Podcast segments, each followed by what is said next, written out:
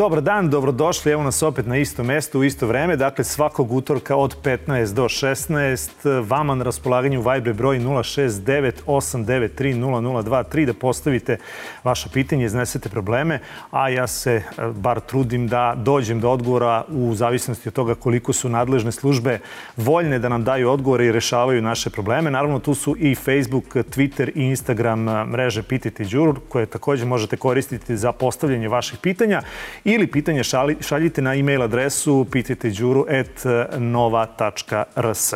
Upravo jedno takvo pitanje je stiglo i odnosi se na, e, u ovom slučaju, prava životinja. U zemlji gde se ni prava ljudi ne poštuju, pitanje je dakle koliko e, možemo očekivati da će naše vlasti reagovati e, na ovakvo jedno dešavanje, ovako pitanje, a evo šta, kako nam se obratio jedan naš gledalac. Kaže on, poštovani Đuro, danas me jedna Instagram objava toliko pogodila i dovela do apsurda da moram da je podelim sa vama. Naime, na profilu Eko Straža na Instagramu objavljen je snimak kako radnici kineske kompanije Ling Long u Zrenjaninu deru mačku. U komentarima se javljaju ljudi koji kažu da su videli da hvataju napuštene pse i odvode ih u krug fabrike, postavljaju zamke za životinje i bave se nelegalnim lovom ribe.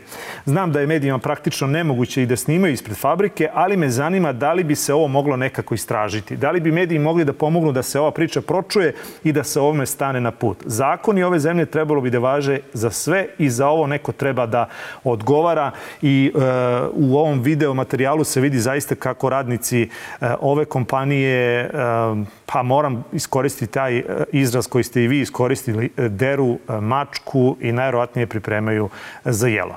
Naši pozitivni propisi ovo ne dozvoljavaju, ovo je kažnjivo, zato za sada na vezi imamo Ivana Ivanovića iz udruženja Nema nazad, grupe građana koja štiti životinje. Ivane, dobar dan, dobrodošao u ovaj podcast po drugi put. Dobar dan i drago mi da se ponovo vidimo.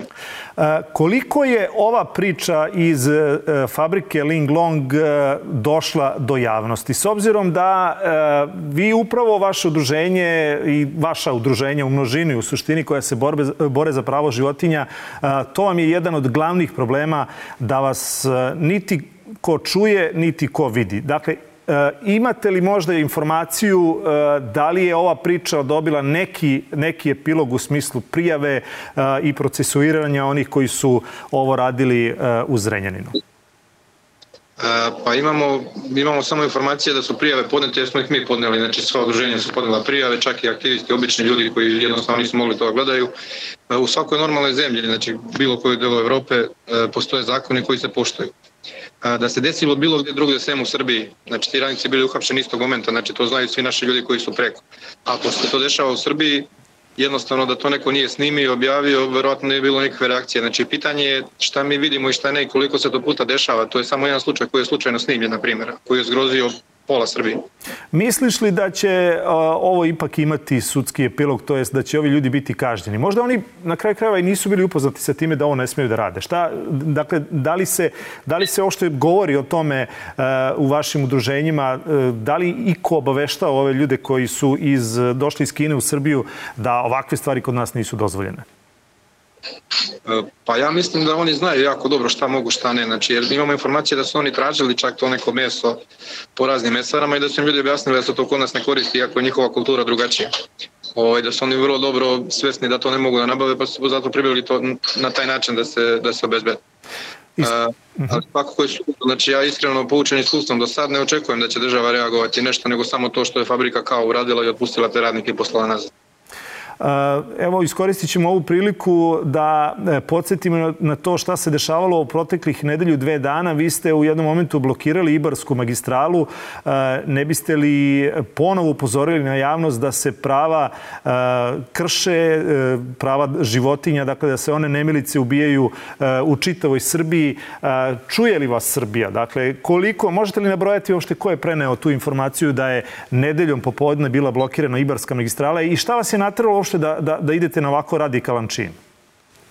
E, jednostavno, to da je bilo, na primjer, u, u Neibarskoj magistrali preneli su samo par portala, znači oni koji nas prate stalno, znači oni koji su vezani život, za životinje, Nova S je prenela takođe, to se zahvaljujem, i isto je prenelo Infocentrala portal, znači, ovaj, Ali jednostavno mediji nas ne prate. Znači, ljudi u Srbiji moraju da shvate jednu stvar. Znači, svima nama je ogroman je problem, znači su životinje na ulici. Znači, i onima koji vole životinje, i onima koji ne vole životinje.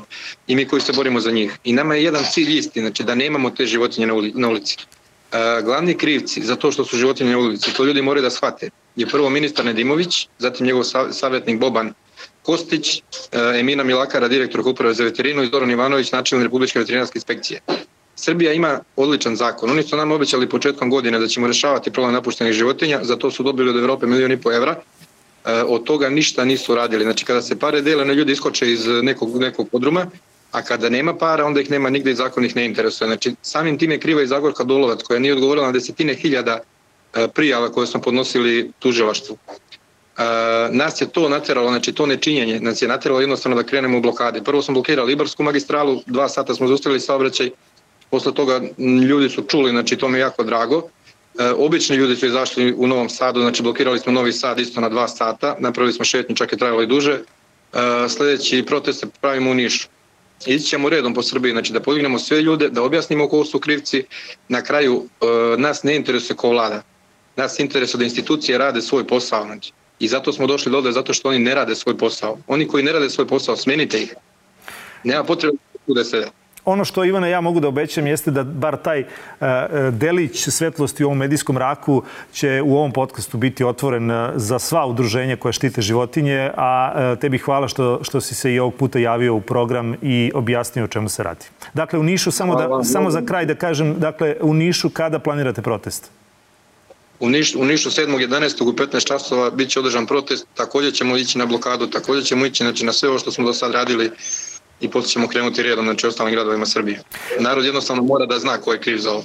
Hvala još jednom Ivane. Dakle, e, čuli ste i videli Ivana Ivanovića iz grupe građana Nema nazad, a mi idemo na e, sledeću temu. Ona se odnosi e, na elektrane. Naime, pisali ste ovako, kažete ja se izvinjavam, imam informacije da toplana Zemun je među najvećim zagađivačima na području grada Beograda. Konstantno se na tim delom Zemuna stvaraju velike oblici crnog dima, kotlarnice rade na mazut i ugalj i to je jako kancerogena materija koju udišu kako deca, tako i stariji ljudi. Ovo što vidite nije ništa naspram onoga što se dešava, u kojim količinama su te kancerogene materije. Ukoliko se nešto ne preduzme i ne ugasi loženje na ugalj i mazut, narod će se okupiti ispred toplane. Ima nas jako mnogo. Pre ili kasnije svakako ćemo zaustaviti to trovanje koje dolazi iz toplane Zemun. Voleli bismo da izveštavate o ovome na vašoj televiziji, da istražite o ovome, jer ovo nije srednji vek, niti je slučaj da se samo sada deša. Ovo je problem koji godinama traje. Hvala vam puno. Eto, dakle, to, to ste pisali pisali, a e, pored ovoga što ste napisali, poslali ste e, i video e, materijal kako to izgleda u naselju Sava Kovačević. Dakle, ovo nije slika koja je samo bila pre neki dan ovog oktobra, to je slika koju gledamo godinama unazad. Dakle, ova kotlarnica u naselju Sava Kovačević jeste problem. Ovoga puta stiže saopštenje kao neka vrsta odgovora na sve ovo, jer je ovo jeste podiglo prašinu u javnosti iz Beogradskih elektrana. Kažu ovako, kotlarnica u nasilju Sava Kovačević kao pogonsko gorivo koristi mazut i predstavlja značajnog lokalnog zagađivača. Crn dim koji se 17. oktobra na kratko mogao vidjeti kako izlazi iz dimnjaka toplane Zemun u nasilju Sava Kovačević, posledica je regulacije sagorevanja na kotlu, a ne kako su neki ekološki aktivisti uzbunili žitelje Beograda da se u pogonima ovog preduzeća spaljuje reziduala. Ove optužbe su neosnovane i neistinite i štete ugledu preduzeća. Žitelji Zemuna mogu da se uvere da iz dimnjaka toplane Zemun u nasilju Sava Kovačević 18. oktobra nema dima i da kvalitet vazduha u njihovom okruženju nije ugrožen zbog rada e, toplane. U cilju zaštite životne sredine i obezbeđivanja sigurnije i pouzdanije isporuke toplotne energije, korisnicima u delu Zemuna Beogradske elektrane privode kraju projekat delimičnog gašenja kotlarnice u naselju Sava Kovačević. U planu je da se stanovi korisnika iz ovog dela Zemuna u buduće greju iz toplane Novi Beograd. Delimično gašenje kotlarnice podrazumeva da će u letnjem periodu ti toplotni izvori snabdevati korisnike toplotnom energijom za pripremu potrošne tople vode, a kao pogonsko gorivo koristit će ekološki prihvatljiviji energent. Neistinite optužbe neće zaustaviti Beogradske elektrane da nastave više decenijsku borbu za čist vazduh u prestonici od svih proizvodnih kapaciteta, dakle od 14 plana i 22 kotlarnice, 96% njih kao energent koristi prirodan gas ili kompromivan, kompromimovani prirodni gas koji su ekološki najprihvatljiviji. U ostalim toplotnim izvorima koristi se mazut, lož ulje, ugalj i biomasa. Ističemo, tokom prethodne grejne sezone u rad je puštena jedna od e, prepumpnih stanica u bloku 38 na grejnom području Toplane Novi Beograd. Radom ove stanice obezbeđen je deo potrebne toplotne energije za potrošače toplane u naselju Sava Kovačević. To je doprinulo značajnom smanjenju rada toplane u ovom zemunskom naselju. Trenutno su u toku pripreme za puštanje u rad i druge prepumpne stanice u bloku 28, čime će se steći uslovi za obezbeđivanje potpunog snabdevanja toplotnom energijom istoplane Novi Beograd svih potrošača koji se sada snabdevaju istoplane u naselju Sava Kovačević.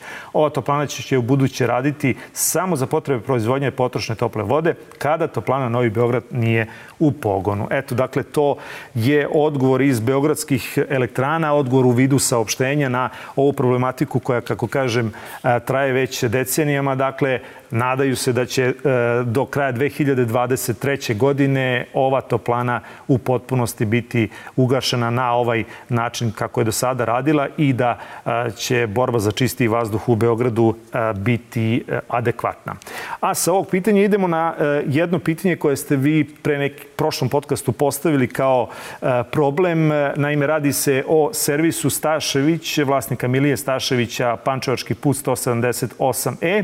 Iznali ste u mailu koji ste poslali da servis radi sa neprijavljenim radnicima, da ne poštuje radno vreme, da se vrlo često to dešava i 24 sata dnevno da se čuju radovi iz ove autoradionice. Pa zbog toga prošli put smo dakle pročitali i odgovor Poredske uprave koja je rekla da će reagovati na prijavu gledalca, a sada na vezi imamo Miliju Staševića, vlasnika ovog servisa. Dobar dan Milija, dobrodošli u ovaj podcast. Dobar dan, hvala vam što ste me pozvali. A, vi ste e, istakli da niste zadovoljni onim što e, je gledalac e, rekao o vašem servisu i načinu kako vi radite. I evo, ja vam zaista, evo ako vam to išta znači, izvinjam se što vas odmah nisam kontaktirao, nisam imao vaš kontakt, ali evo sad vam dajem priliku dakle, da kažete šta je vaš odgovor na, na te optužbe. Dakle, da li stoji ovo što je rečeno i da li, ste, da li radite u skladu sa zakonom? Radimo sve u skladu sa zakonom. Servis mi je prijavljen od radnika, samo sam ja prijavljen, nemam drugih radnika. Moja supruga tu sa decom kući, dolaze mi kolege, svraćaju, popijemo kafu, družimo se, to je sasvim normalno, niko ne radi kod mene. Ja sve poslove što oni doteraju, ja im ne završim, oni teraju dalje. Što se tiče toga. A što se tiče savjesnog građana koji me prijavljuje i koji mi je poslao do sada 42 inspekcije na moju adresu, to mi je komšija u podružetku od mene, mm -hmm. koji me tereti da blokiram javni put, taj njegov što, što on prolazi, on je na taj isti put pored mog placa postavio rampu, koji me prijavljuje za parkirana vozila ispred servisa kao zelenu površinu, na tu istu zelenu površinu on je postavio garaže. Njega niko ne uznemirava, mene koji plaćam redovno porez uznemiravaju inspekcije, 42 su mi bile za godinu dana. Četir... Iz toga, taj uzoran savest, savestan građanin se zove Slavko Predojević. Pritom, pretio mi da će me ubiti, da će me seliti, da će, mi, da će me uništiti. Prijavljivo sam to u miliciju u Borču, možete da proverite, niko ništa ne preduzima. A kažete mi, da isti... kad kažete te 42 inspekcije su vam bile u roku od godinu dana, a, jesu li te inspekcije išta našle da vi poslujete mimo zakona? Ne. Nemaju osnova ni za što da mi napišu prekršaj ni, ni na šta. Jer ako pišu meni prekršaj sa parkiranom vozilo koje ja održavam tu, to bi bio korov da ja nekosim tu da parkiram par vozila, izbacim ispred servisa. Tu bi bio korov i da bi pisali meni inspekci, e, kaznu za to što parkiram tu. To nije zelena površina, to je pojas puta. A kažete mi, Milija... Onda moraju da pišu... Kažete mi, Milija, da. E, očigledno da ovde postoji međukomšijski sukob i da tu e, jednostavno ne možete da nađete zajednički, zajednički jezik. E, dakle, da li ste pokušali e, neku, neku vrstu dogovora? Dakle, da vi poštujete radno vreme, da ne pravite buku, da se parkirate tamo gde, gde ti automobili koji dolaze kod vas na servis da ne ometaju njega, a da s druge strane on ne ometa vas, da pokušate da nađete neki zajednički jezik ili je ovo na neki način, vi, vi pričate vašu priču, on priča, ako, ako vi tvrdite da je to problem sa prvi, da je to taj čovjek koji, koji se i meni javio? Ma, milion posto je taj čovjek.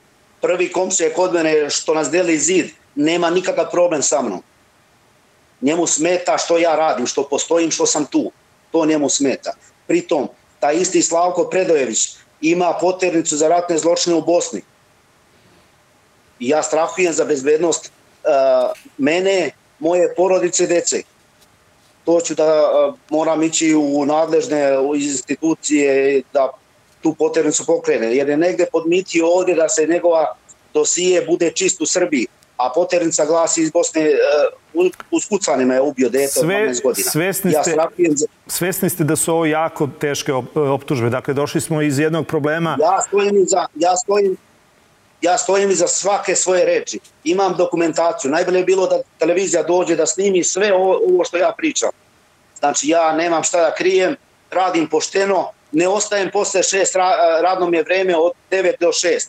Posle šest ostanem u radionici da očistim, složim alat, nema nikakve buke. Merio sam sertifikat, imam za merene buke, normalno on mi je poslao inspekciju, merio sam, predao sam papire, dokumentaciju da je sve u, u granicama normalno, da nemam nikakvu buku, veća je buka sa puta nego što ja proizvodim i to je to što se tiče tih stvari. Milija, hvala vam što ste se ima... uh -huh. Milija, hvala vam što ste se javili. Dakle, eto, čuli smo i ovu drugu stranu. Ja se samo nadam da, da prosto ćete naći neki zajednički jezik, jer ukoliko zakon bude to regulisao, bojim se da nećete vi imati dobro, dobre komšijske odnose. Dakle, pokušajte, eto, to je moj apel na vas i, i na, na tog vaše komšiju da, da jednostavno prođe, prođete nekako u ovoj čitovoj priči bez ikakvih posledica i da nađete komšijski zajednički jezik.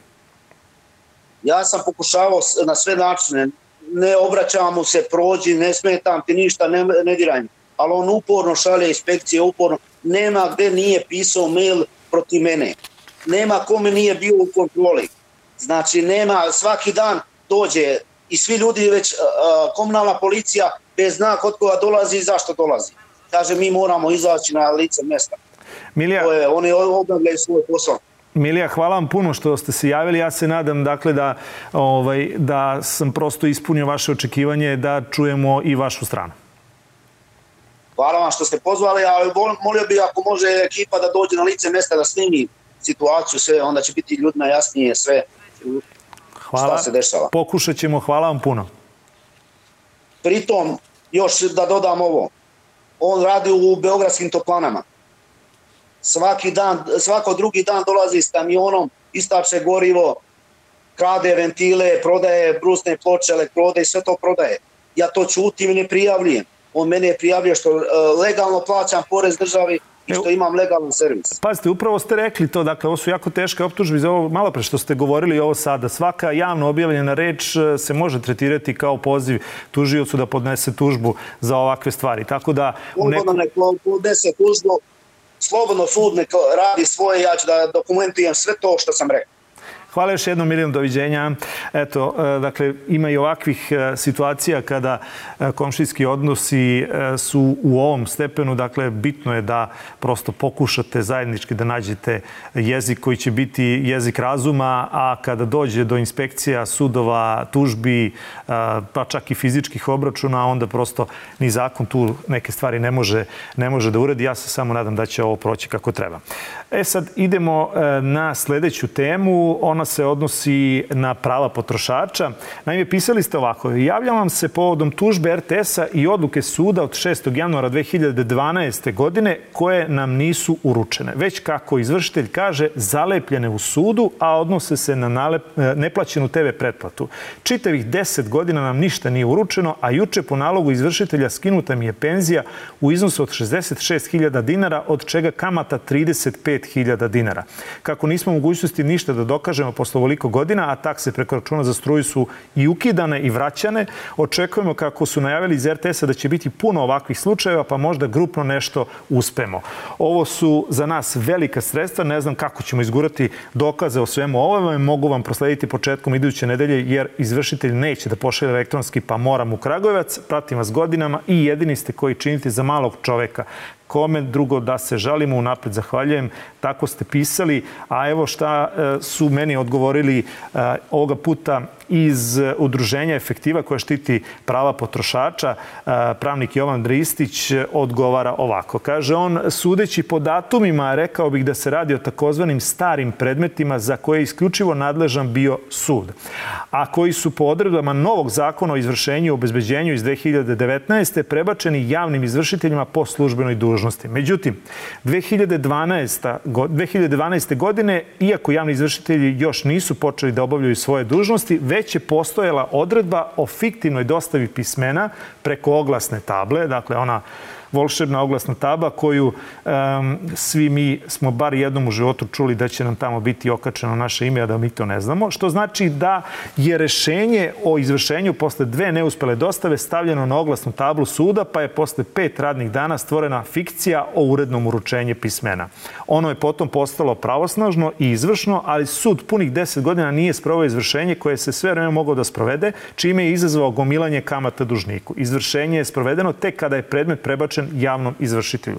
Da je dužnik primio rešenje, mogao je na njega da uloži prigovor koji bi se u najmanju ruku ticao verodostojne isprve s kojom je RTS izašao pred sud, s obzirom da je naplata išla preko EPS-ovih računa, a ne preko posebnih RTS-ovih računa. Da je stavka za naplatu bila formulisana kao pretplata, a ne kao taksa i da se EPS uvek prvenstveno naplaćivao, to je samo kada potrošač ne bi imao nikakav dug za struju, mogao bi da plati pretplatu. Međutim, pošto je rešenje postalo pravosnažno, ono se više ne može pobijati. Nažalost, e, kako sada stvari stoji, ako ja razumem ovaj odgovor Jovana Ristića iz Udruženja Efektiva, Očigledno ćete morati to da platite, to je tih 66 plus 35.000 dinara će vam odbiti od penzije. Samo imajte u vidu dakle, da ne smeju da vam uzimaju više od e, dve trećine penzije. E, dakle, to je ono što javni izvršitelj bi trebalo e, da zna. Eto, sa ove teme idemo na jednu drugu temu. Opet se odnosi na zagađenje životne sredine, mada je ovo stvar koja, koju smo slušali ovoga puta se selimo u Barajevo, ali smo o ovoj priči slušali dok je fabrika bila u Rakovici. E, mislim da je to bilo pre nekih deseta godina i ova fabrika za preradu otpada je preseljena iz Rakovice. E, moglo se čitati u medijima da je za to zaslužan i predsjednik opštine Rakovice koji je zajedno sa udruženjima iz Rakovice na neki način izbacio fabriku za preradu otpada ovoga puta u Barajevo. E, gledateljka Aleksandra je ovako pisala. Kaže, poštovanje Đurov, više, e, pišem vam ispred udruženja inicijativa Eko Barajevo. Mi smo građani koji smo se udružili u odbrani ekologije opštine Barajevo. Imamo veliki problem sa dve firme. Jedna je Livnica Most, a druga je dobro poznati trovač Unirisk. Ako ste zainteresovani, bilo bi vam drago da nas ugostite i da drugi čuju naše probleme. Upravo zato e, na telefonskoj vezi, to jest na Viber vezi, bi trebalo trebalo da je sa nama e, Miloš Jeremić iz e, udruženja Eko e, Barajevo. Miloše, da li se vidimo, da li se čujemo? Miloše, da li me čujete? Evo, samo moment, ja vas čujem, ali vas ne vidim, samo da vidim šta se dešava. Uskoro ćete nas, ja mislim, i videti, ajde da pokušamo da uspostavimo vezu. Do tada, kažite mi, kažite mi dakle, šta se to dešava sa ove dve fabrike, koliki je to problem za opštinu Barajevo? Gde se one nalaze i šta prerađuju? Pa evo da počnemo, znači, kako se kaže od početka, znači Barajevo je proglašena eko opštinom, što je tragikomično neke 2012. godine i dan danas mislim da stoji na sajtu taj neki proglas koji je donet za vreme neke druge vlasti, ali ova prihvatila to, da bi se doselile znači dve fabrike u isto vreme 2017. godine u Barevo. Jedna je Most koja se bavi, koja je livnica i bavi se bez ikakvih filtera i bez ikakvih potrebnih pomagala livenjem i preradom nekog aluminijuma a dok je ta, e, taj Unirisk e, famozni koga sele i šutiraju na sve strane na kraju završio kod nas ovde u Barajevu, to je jedan znači uspavani džin sad već probuđeni koji će ovaj, industrijski da prerađuje sve vrste otpada ovaj, na, sve, na neki način koji uopšte nije priznat nigde u svetu. To je neka tehnologija koja se zove mid-mix, za koju oni tvrde da je e, popularna, poznata u Evropi, međutim to je uradio neki hrvatski penzioner i tako da to nigde nije priznato u svetu. Ovo je, Unirisk je zvanično švajcarska fabrika, ukoliko sam Jeste. ja razumeo. I oni kažu da su bile sve moguće inspekcije i da niko nije našao nikakve nepravilnosti. Kakav je vaš komentar Jeste. na to? Pa znate šta, e, e, pod jedan, ja sam mislio da je u ovoj zemlji ili državi e, dovoljno su za metari da se izmeri logikom koliko ima od fabrike do prvih kuća.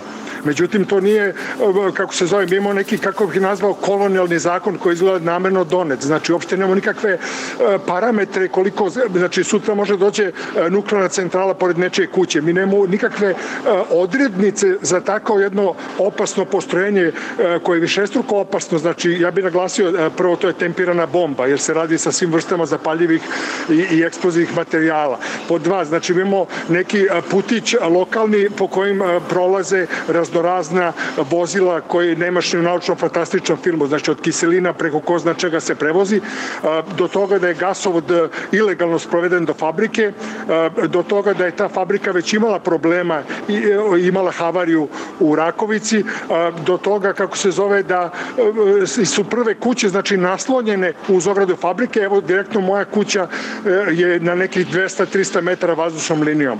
A kažete mi kad kažete vaša kuća je tako blizu, dakle da li vi, da, e, da li vi e, prosto, da li osjećate produkte sagorevanja? Dakle šta je ono što je naj, najproblematičnije? Tu kažete kiseline razne, mm. razni otpadi, vi u suštini ne znate šta se tamo sve prerađuje. Jeste.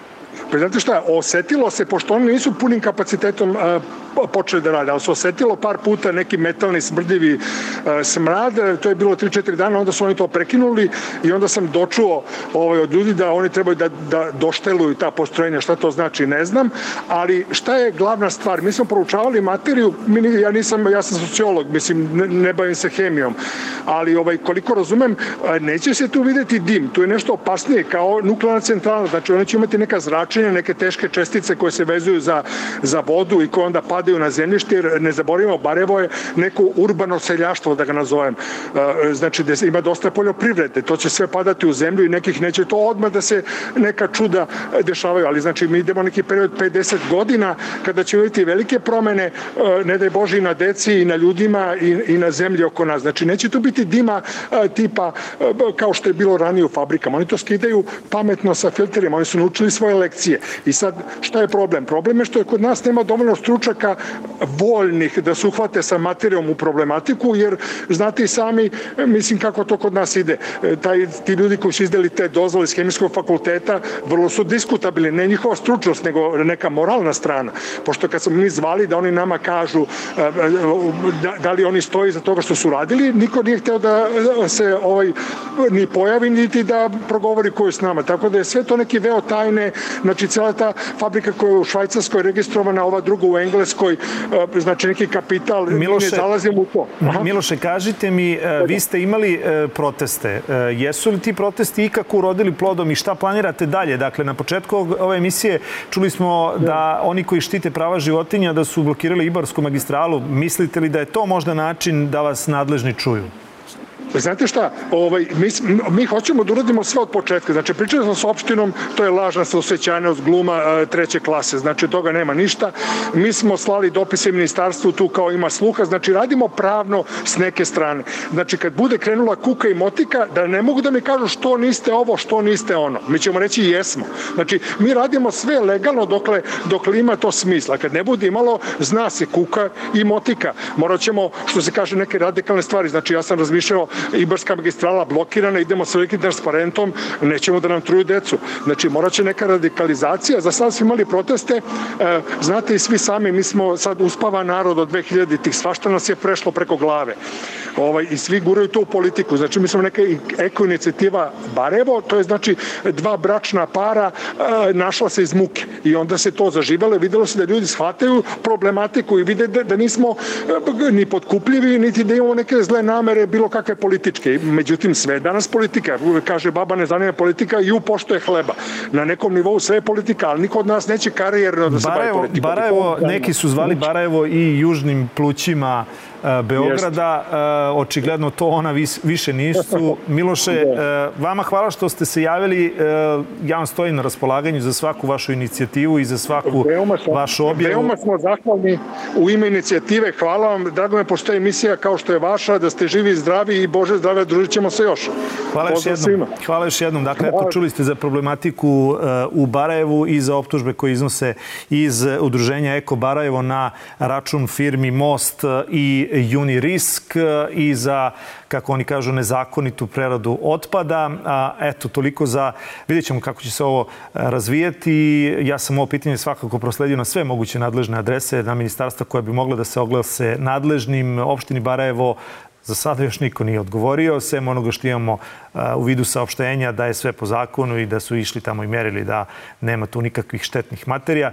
Dakle, za sada tako stvari e, funkcionišu. Eto, toliko za današnju emisiju, za današnji podcast. E, za kraj samo još jednom da podsjetim za vaša pitanja, način na koji možete se javiti, to je Viber broj 069 893 0023. Zovite od 15 e, do 16 svakog utorka ili pišite na ovaj broj, a možete pisati i na Facebook, Instagram i Twitter mrežu Pitajte Đuru ili na e-mail pitajteđuru at nova.rs.